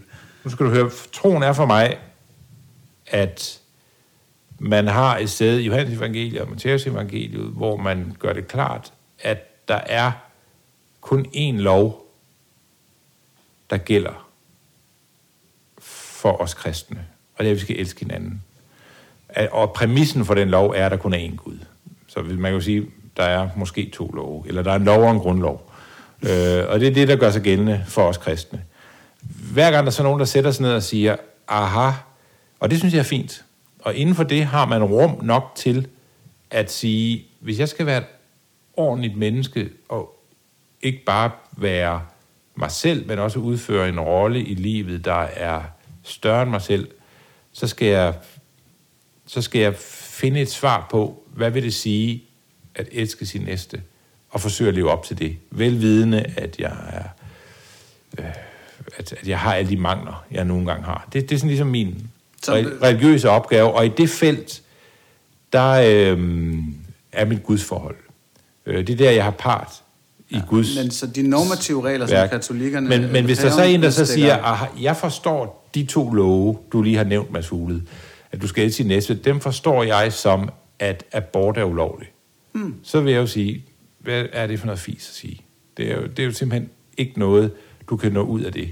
Og det er jo netop, at, øh, øh, skal vi sige, øh, skal vi sige, forvrænge det grundkristne budskab, som er meget, meget bredt. Og derfor er det også så helvede svært. Som, så regler mod øh, kvindelige præster, Er det samme vanvid. det er det samme man ved. Ja. Øh, regler mod homoseksualitet. Det er endnu vanvittigere, fordi øh, jeg er ret sikker på, at hvis Jesus kunne have... Det, hvis man husker, han går med en prostitueret gennem ørkenen, ikke? Du kan ikke være mere falden. Han går med spedalske, altså dem, der er stødt helt ud af samfundet. Hvis der var kommet en der i øh, regnbuefarvet habit og sagt, det er rigtig svært at være øh, homoseksuel i Judæa år 0, så havde Jesus sagt, du er på mit hold. Det er jeg slet ikke i tvivl om.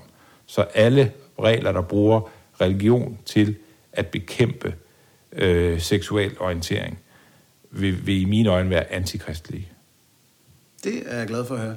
Men i så fald, med hensyn til det her med, at vi har en, en bevarende konservatisme i, i de her religiøse institutioner, Ja, vil du da medgive, at folkekirken har holdt os lidt nede her i løbet af de sidste 100 år, med Alle- hensyn til kvinders ligestilling og homoseksuelles ligestilling? og jeg ved ikke, det ved jeg sgu ikke, om de har. Men jeg, ved, jeg har i hvert fald, de har i hvert fald også været en del af det. Så de har også været en del af det modsatte nogle gange. Så ja, jeg ved, jeg ved altså, ikke... når du kigger på statsene, så vil jeg jo sige, at i 1915, der får kvinder stemmeret. Ja. I 1947 De godtager... får det så reelt i 1919, ikke? Okay, det ved du bedre end mig så. Ja. Øh, 1947 går kirken modvilligt med til at få kvindelige præster. Ja. Homoseksualitet stopper med at være juridisk forbudt i 60'erne, Ja. og bliver ikke længere regnet som en psykisk lidelse i 80'erne, og kirken godtager det som hvilesesritual i 2012. Det er vel et eller andet sted Ej, det- nogle hvis- objektive påviselige ting, der siger, Nej, at helt kirken ærligt. i hvert fald har været bagud her. Ja, det ved jeg ikke. Er det, jeg, forstår, jeg forstår godt, hvor du vil hen, og det, jeg, ikke, jeg kan ikke sige, at jeg er 100% uenig. Men jeg synes også, det bliver for unuanceret. Fordi at kirken... Øh, altså... Før vi fik øh, taget det her fagtag med øh, den ekstreme demonisering, der var i vores samfund som struktur og mange steder af homoseksuelle eksempelvis. Øh, der er jeg ret sikker på, at der har kirken som institution indgået som en del af det system, der har sagt, der er noget galt med dig, hvis du er homoseksuel. Jeg er også ret sikker på, at hvis du som homoseksuel i den periode forsøger at øh, tale med en række præster om de udfordringer, du står der med, så vil rigtig mange af dem også have været nogen, der har sagt til dig, der er ikke noget galt med dig. Der er noget galt med, med den verden, der ikke lader dig få lov til at være dig selv. Øh, men, men, men nogle gange skal vi... Altså, det, det, det er jo også sådan min pointe omkring den mørke middelalder. Ikke? Det har nok været lidt mere sammensat. Og jeg vil sige, at de, der har haft det, selvom de er folkekirkepræster, og dem er der rigtig mange af, og også der er der stadigvæk, der, der i deres hjerte har haft, at, øh, at du skal elske din næste som dig selv. Og det er ligesom de spilleregler, jeg har at gøre med. Hvis de har kunne sætte sig ned der og sige, øh, du er besat af en dæmon, det er simpelthen det, der er galt med dig, hvis du er homoseksuel, så vil jeg sige, at de har været meget dårlige forvalter af det, jeg opfatter som, som det kristne budskab. Og, Ja. ja. og jeg ved jo også, altså jeg har jo, jeg er jo så gammel, at jeg er vokset op med, med, Men, med homoseksuelle venner, der enten havde der holdt det skjult indtil meget, meget sent, eller som øh, blev ved med at føle, at, øh, at det var dem, der var noget galt med.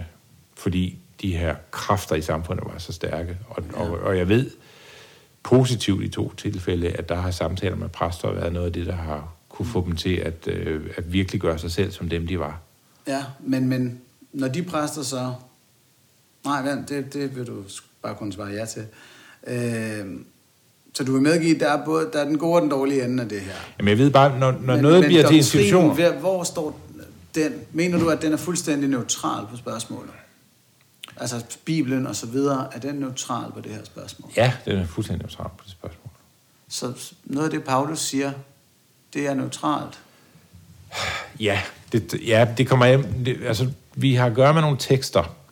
Kvinder skal tige forsamlinger. Mm, men, men er det den menighed, han taler om der, som han synes siger noget, der gør, at romerne laver mange kristne forfølgelser? Jeg tænker, at lige præcis de kvinder var lidt irriterende, og derfor skulle de tige. Det var Ja. ikke generelt, han mente. Det tror jeg ikke. Og nu er han jo, altså nu, altså hvad er Bibelen? Er det, er det sådan et, øhm, at, at det, der står i Bibelen, noget, hvor du tænker, fordi der står på side det, og det er noget, du opfatter som stødende mod noget, der er sagt i en historisk kontekst, er en helt anden end den, der er i dag.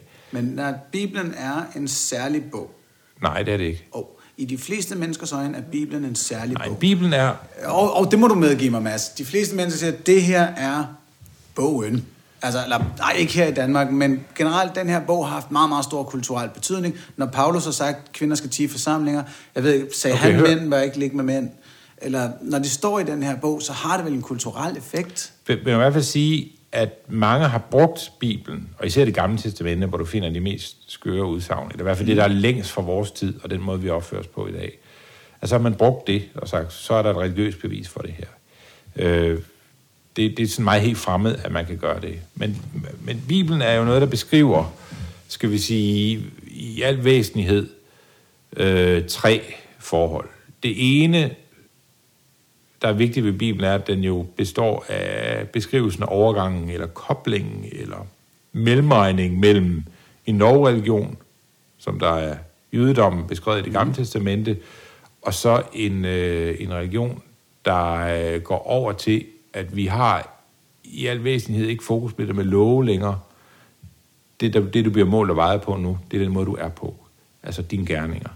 Øh, at det er den overgang. Og for at forstå den overgang, så skal man have det gamle testamente med. Og derfor er det gamle testamente utrolig vigtigt. Øh, fordi det, det varsler den der overgang.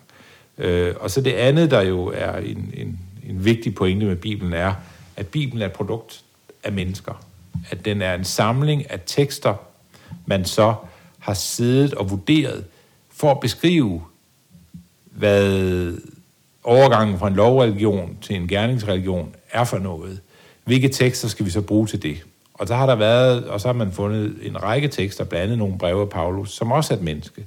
Mm. Altså, så, som, som ikke er guddommelige, men som også er troende.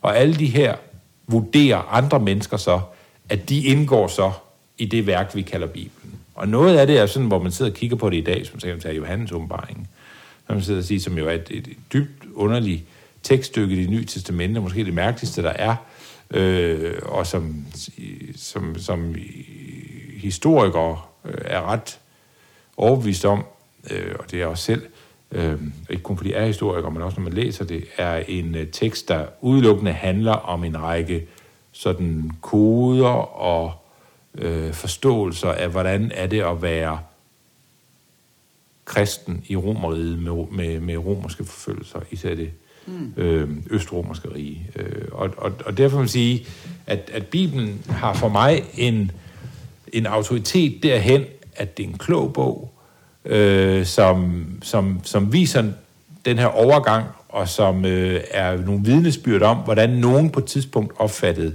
Jesus øh, og, det, og det guddommelige. Og så har nogle præster sat sig ned på nogle synoder en gang imellem og sagt, det her, det er de tekster, der skal indgå i det.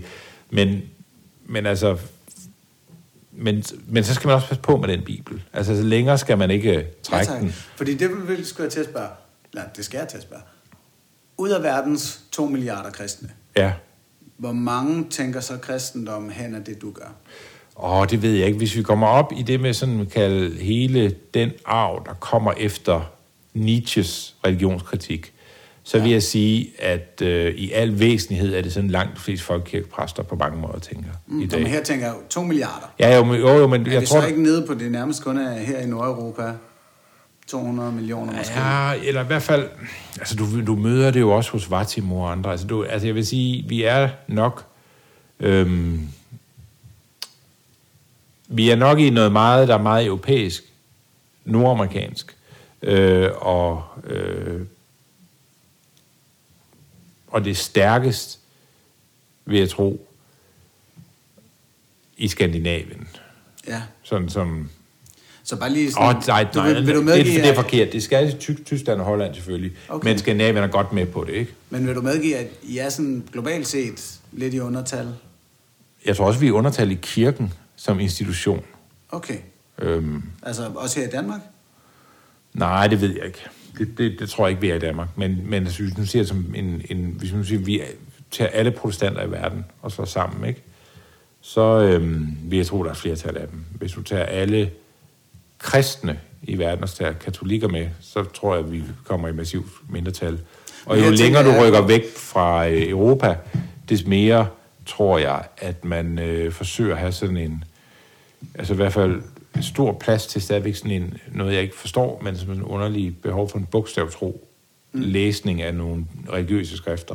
Fordi jeg kan jo forstå, en kerne i din religiøsitet, det er det her med at gå fra lovreligion til øh, Gerningsreligion. gerningsreligion. Ja, Øh, fordi du mener jo også, at kristendom er temmelig vigtig for os politisk i de her år. ja, Er det fordi, at den netop har taget det spring i forhold til islam?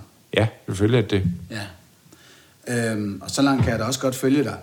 Og, og tænker du her, at kristendommen er essentiel i forhold til en, blø, en bred religionskritik, som er det, jeg står for at sige, jamen, både Jesus og Mohammed var nok fulde af vås. I behøver ikke at tro på det der, lad os møde hinanden i virkeligheden.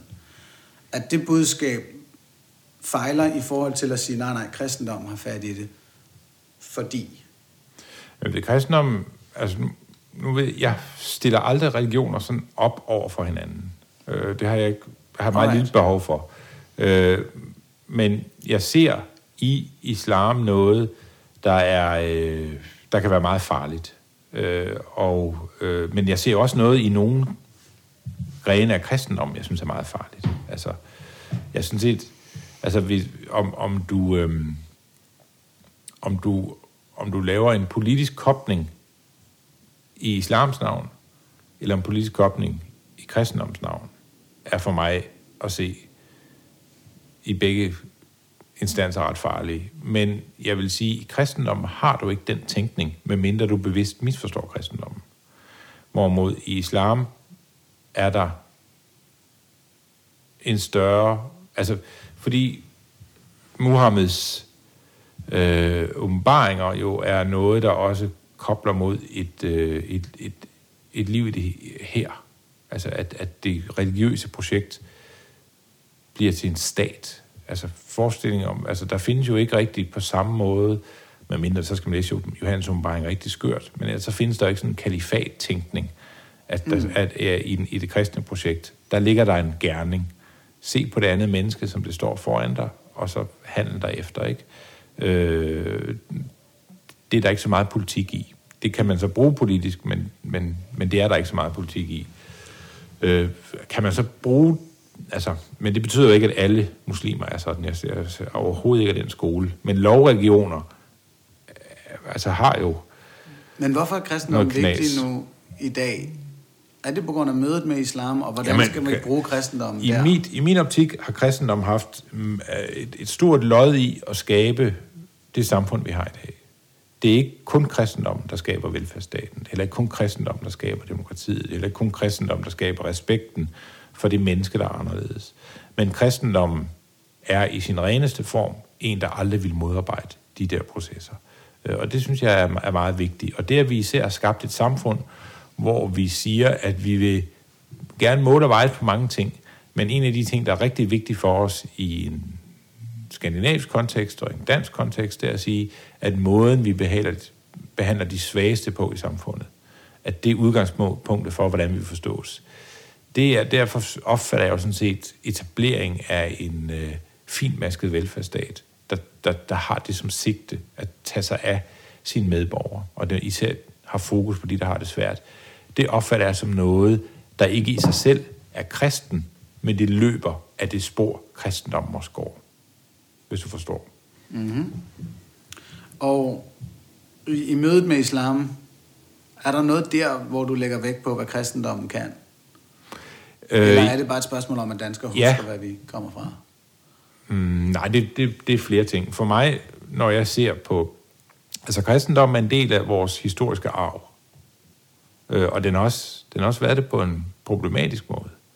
Men den er, sådan, den er, den er en del af det, vi Nå, sådan, den er jo den er, den er noget, vi har, har med os, og den har været med til at forme os, og nogle gange har den været med til at deformere os. Og så har vi øh, gjort op med det, øh, og, og kommet videre alligevel, nogle gange med mere eller mindre hjælp fra sådan den, den institutionaliserede kirke, hvor den jo er som institution noget, der vi har været inde på, har sådan været oftest en modspiller, ikke? Mm. Øhm, Men det er der, hvor du så siger, i sin reneste form, så modspiller den ikke. Så de, der har den reneste form de den- har ikke forstået det rigtigt. det ved jeg ikke. Altså, jeg, jeg har, jeg har svært ved at se et politisk projekt i det, der er Jesu liv og ger- gerninger. Og derfor, hvis man gør Jesu liv og gerninger til et politisk projekt, øh, Øh, udover selvfølgelig, at man kan sige, at i Jesu liv gerninger er der en enorm respekt for de, der er svage. Øh, og, det, og de er, altså den, hvis man ser på fortællingerne om Jesu liv, så er det jo uden at de er nogen, hvor man sige, at når jeg har hørt den her fortælling, så skal I gøre sådan her. Det, det mener jeg ikke, der ligger i dem. Men det er jo påfaldende, hvor mange af dem, der handler om, at mennesker, der er udstødte eller har det svært, eller er nogen, der øh, ikke er blevet givet vilkår, der er lige det andre har fået, at det er nogen, man øh, tager sig af i respekt for dem, og har et ligeværd med, selvom man materielt måske har det bedre end dem, og så videre. Og i det ja. ligger der noget, hvor man kan sige, at, at derfor kan jeg føle mig, at jeg mig godt tilpas, ligesom jeg er sikker på, at mange andre også gør, i, i sådan den samfundsindretning, man har i Skandinavien. Yes. Og det her med, at, øh, at, at kvinder og mænd er lige værd, det synes jeg også er... Hvis, Men, men, ja, det, fordi det, os det er jo også en del af en kristne fortælling. Ikke? Ja, fordi når du siger det her med at tage sig af de svage, det er jo institutionaliseret i islam. Ja. I at man, man betaler øh, zakat, Mm. og, og den skal gå specifikt, og mm. forhåbentlig i de rigtige tilfælde, så gør den også specifikt til de allersvageste. Øh, så der møder vi vel hinanden. Men så er det i behandling af kvinder og Nej, fordi jeg vil jo aldrig sige, at der er et religiøst bud om det.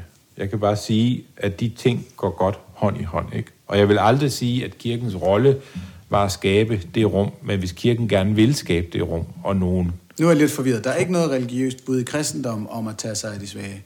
Nej, ikke, ikke, som, øh, ikke som politisk bud. Altså, det, Nej, okay, der er jo ikke en er i opskrift. Der, er der, ja, nej, der har du, et, øh, der har du en, skal vi sige, en, en, en, en opskrift på, og så gør vi det også i praksis sådan her. Ikke? Det, det har vi jo ikke på den måde i kristendommen. Nej. Men, men alligevel underliggende ligger det der. Det er det, du siger, ikke? Jo, man kan sige... Så det har de to religioner trods alt lidt Det undrer mig i hvert fald ikke, at hvis du har et område, hvor du har mange kristne samlet over lang tid, altså på et tidspunkt er der nogen, der stikker fingeren i hånden i vejret og siger, er det ikke rigtig mærkeligt, at øh, kvinder og mænd ikke øh, betyder lige meget? Er det ikke rigtig mærkeligt? Og Okay, så, så nu rykker vi hen til det etiske der. Ja, Godt. Øh, hvor længe gik der før, at folk sagde, at det var mærkeligt, at kvinder og mænd ikke var ligeværdige i den danske kristendom? Jeg ved ikke, om det, hvornår det er i den danske kristendom, men man kan jo sige, at øh, i den oprindelige kristendom, der fylder det utrolig meget, at, øh, at, at de to figurer, der fylder mest i Jesu liv, er øh, to kvinder, ikke? Ja, det er så øh, øh, Maria Magdalena, og hvem er den anden? Og det, det er øh, Jesu moder. Nå, okay. Yes. Ja. Øhm, men hvad har det med den eventuelle ligestilling, da kirken kommer her til landet at gøre? Jamen det, Fordi der, der synes jeg, der stadig det lugter meget af, at mænd sad på flæsket. Jamen det her, mænd har vel også siddet på oldkirken i de her institutioner, og man kan sige, mm-hmm. det er måske derfor, at en som Paulo taler om, at kvinderne skal tige, netop som et symbol på, at i oldkirken var der faktisk kvinder, der, der tænkte, der er meget på det, der tyder på, at kvinder skal have lov til at fylde noget, så jeg siger lige noget, så er der en, der siger, at jeg skal holde min kæft. Det er tilfældigvis også en mand. Så, så det du siger med, at man kan, når, man, når kristne er samlet i en, i en, over en vis periode, så vil der på et tidspunkt være nogen, der siger, hey, er det ikke mærkeligt? Jo, Hvornår skete det i Danmark? Jeg vil tro, at det sker... Nu, altså, jeg kender ikke den danske kirketradition så godt, men jeg vil tro, det sker samtidig med, at det sker i eksempelvis i puritanismen. Og der er vi i hvert fald ude i noget, som hvor vi er omkring år 1600, ikke? altså 1600-1700-tallet, der begynder de der menigheder at øh, tage den der debat. Og jeg Og hvordan gik det så? Hvornår fik kvinder magtpositioner eller noget, der Hvis du ser på den blandt poetanisterne, der er der vil være nogle af dem, hvor, hvor kvinder jo får lov til at tale i menigheder øh, ret tidligt, og andre steder vil man have brugt mange kræfter på at fortælle, at de var hekse og få dem brændt. Ja, øhm, lad os lade være med at, at, at bore mere ned i det. Jeg synes bare, det, det virker sådan lidt spøjst at sige, at, at altså, så er det alligevel 600 år, før det rigtig sker. Men det er vel ikke... Altså, det ved jeg, er det mærkeligt? Altså, jeg tror, hele jeg den der tænker, proces, i forhold til den, det lyder som om, som, nu er jeg ikke historiker, men at i vikingetiden, der kunne de tale lidt mere? Eller det misforstår jeg noget Nej, der? jeg tror, nej, jeg tror, i vikingtiden er der mange vidnesbyrd om, at kvinder havde fyldt meget mere. Men mm. man kan sige, noget, der er et historisk vidnesbyrd, som går igen i mange kulturer, det er, hvis du laver en samfundsmodel, hvor det er kvinder, der i lange perioder, skal vi sige, styrer øh, hjemmet, øh, hvor manden ikke er der, at der får de mere og mere plads. Så der er en samfundsmodel omkring vikingerne, som ikke er så meget med, hvad man tror på, men mere det her med, at når man som viking og mand er væk, fordi man er drejet på togt, når man ikke øh, er hjemme, øh, så vil, vil de kvinder fylde meget. Og på samme måde vil man... Så det er et spørgsmål nærmest om kapitalmagt et eller andet sted. Ja, det, du ser eksempelvis på den på, på øh, blandt øh, kulturer, hvor man har haft øh, øh, mænd og til søs i lang tid. Generelt har det været udbredt, der, der får kvinder, der tager de med en ret stor stemme. Hvis du ser på den amerikanske øh, øh nybyggerkultur, hvor øh, mændene også tit var øh, ude af hjemmet i rigtig, rigtig lang tid og, og, og væk derfra, der får man også øh, sådan et, et, et fravær af konformitet om, hvad, hvad, hvad køn betyder. Ikke? Så det, det, det, det tror jeg, jeg tror samfundet altså, spiller så, meget ind der. Så men... jeg kan forestille mig, en pointe for dig, det er, at, at de samfundskonstruktioner har mere at sige om kvinders forhold end religionen. Man kan i hvert fald sige, at kirken som institution har været meget langsom til at øh, tage de her debatter op. Altså det, det gør den ikke. I hvert fald ikke som noget, altså hvor den er andet end undertrykkende. Alright. Øhm, jeg tror, vi har været meget rundt omkring, uden vi overhovedet kom så meget i detaljer om dig. Nej. Øh, det stak hurtigt af i noget, noget filosofisk snak, men det skal det også have lov til. Fordi det er jo også der, du har øh, mange af dine kundskaber. Så medmindre du har et eller andet meget vigtigt, du skal nå af med her til sidst, Nej, det ved jeg ikke. Øhm, jeg, jeg, vi har været vidt omkring, og nu bliver det sådan et meget et... et øh, altså, vi løber nogle ret traditionelle spor i den her, vil jeg sige, mm. samtale om, om, hvad tro er og ikke er. For mig er det jo øh, bare vigtigt at holde fast i, at, at alt, man sådan gør til én ting, eller til noget ensartet, øh, vil jo... Øh, være noget, man, man, altså man skal huske, når man,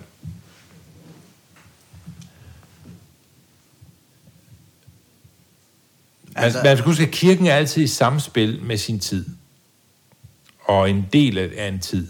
Og den er en del af øh, sådan en, øh, en måde at agere på, hvor man kan sige, at vi skal jo nok... Nietzsches pointe var, at den sidste kristne, han havde mødt, det var Jesus. Det var det, jeg vil sige. Mm. Øh, og han egentlig ikke som sådan havde noget galt, synes der var noget galt med kristne, men han havde det meget svært ved den konformitet, der kom i det kirkelige samfund, øh, og den måde, man er på. Det synes jeg er rigtigt. Det, jeg så har oplevet, og det er noget af det, vi aldrig kommer til at tale om i de tidværv og det grundveganismen, er jo, at så vi her på de her breddegrader får sådan to øh, religiøse tænkere, som er meget, meget øh, vigtige for, hvordan Danmark udvikler sig, som er i stand til på en eller anden forstand at sige, vi kan godt, vi kan egentlig godt forsøge at lave nogle, øh, enten et opgør med institutioner, vi har, det kirkegårdske, eller skabe en, en måde at være sammen på, nemlig højskolen, hvor vi, øh, hvor vi, hvor vi øh, stadigvæk har et, et kristen rum, men vi har en fritænkning inden for det, som har været meget, meget vigtig for blandt andet også synet på kvinder i det her samfund. Det lyder som noget, vi kan, vi kan runde af og være enige om. Også, totalitarisme er selvfølgelig altid noget bøvl, og Kirkegaard og Grundtvig skal have en stor del af æren for at få oplevet de totalitære træk, der var i... Ja, som er i alle steder. Jeg tror også, jeg tror også at totalitære træk i spejderbevægelsen, hvis man undersøger, hvordan den har, har, mm. har fungeret. Ja. Så det, det, det tror jeg er om skam. Men det var også det, vi var inde på. At, eller, at, eller blandt klimaskeptikere, eller hvad det nu måtte være, eller klima... Altså, altså, der er altid... Altså, mm. Ting har det med at blive til institutioner, og de har det med at blive konform, ikke? Yes. Og det skal vi selvfølgelig for alt i verden undgå, den der ensretning. Ja, lad os gøre det. Jamen det, Men det er jo nok i menneskets natur. Altså, det er, vi er op mod nogle stærke kræfter, ikke? Jo, jo, og lykkeligvis så er vi op imod nogle uh, stærke holdninger, enkeltvis, som hvis vi ellers sørger for at have et åbent uh, forhold og, og en åben kulturel udveksling og demokratisk udveksling, så kan vi holde det for døren. Håber jeg. Ja, ja, ja. ja. Og med de ord, Mads Fuglede, tusind tak, fordi du var med tak. i Hvad tror du selv?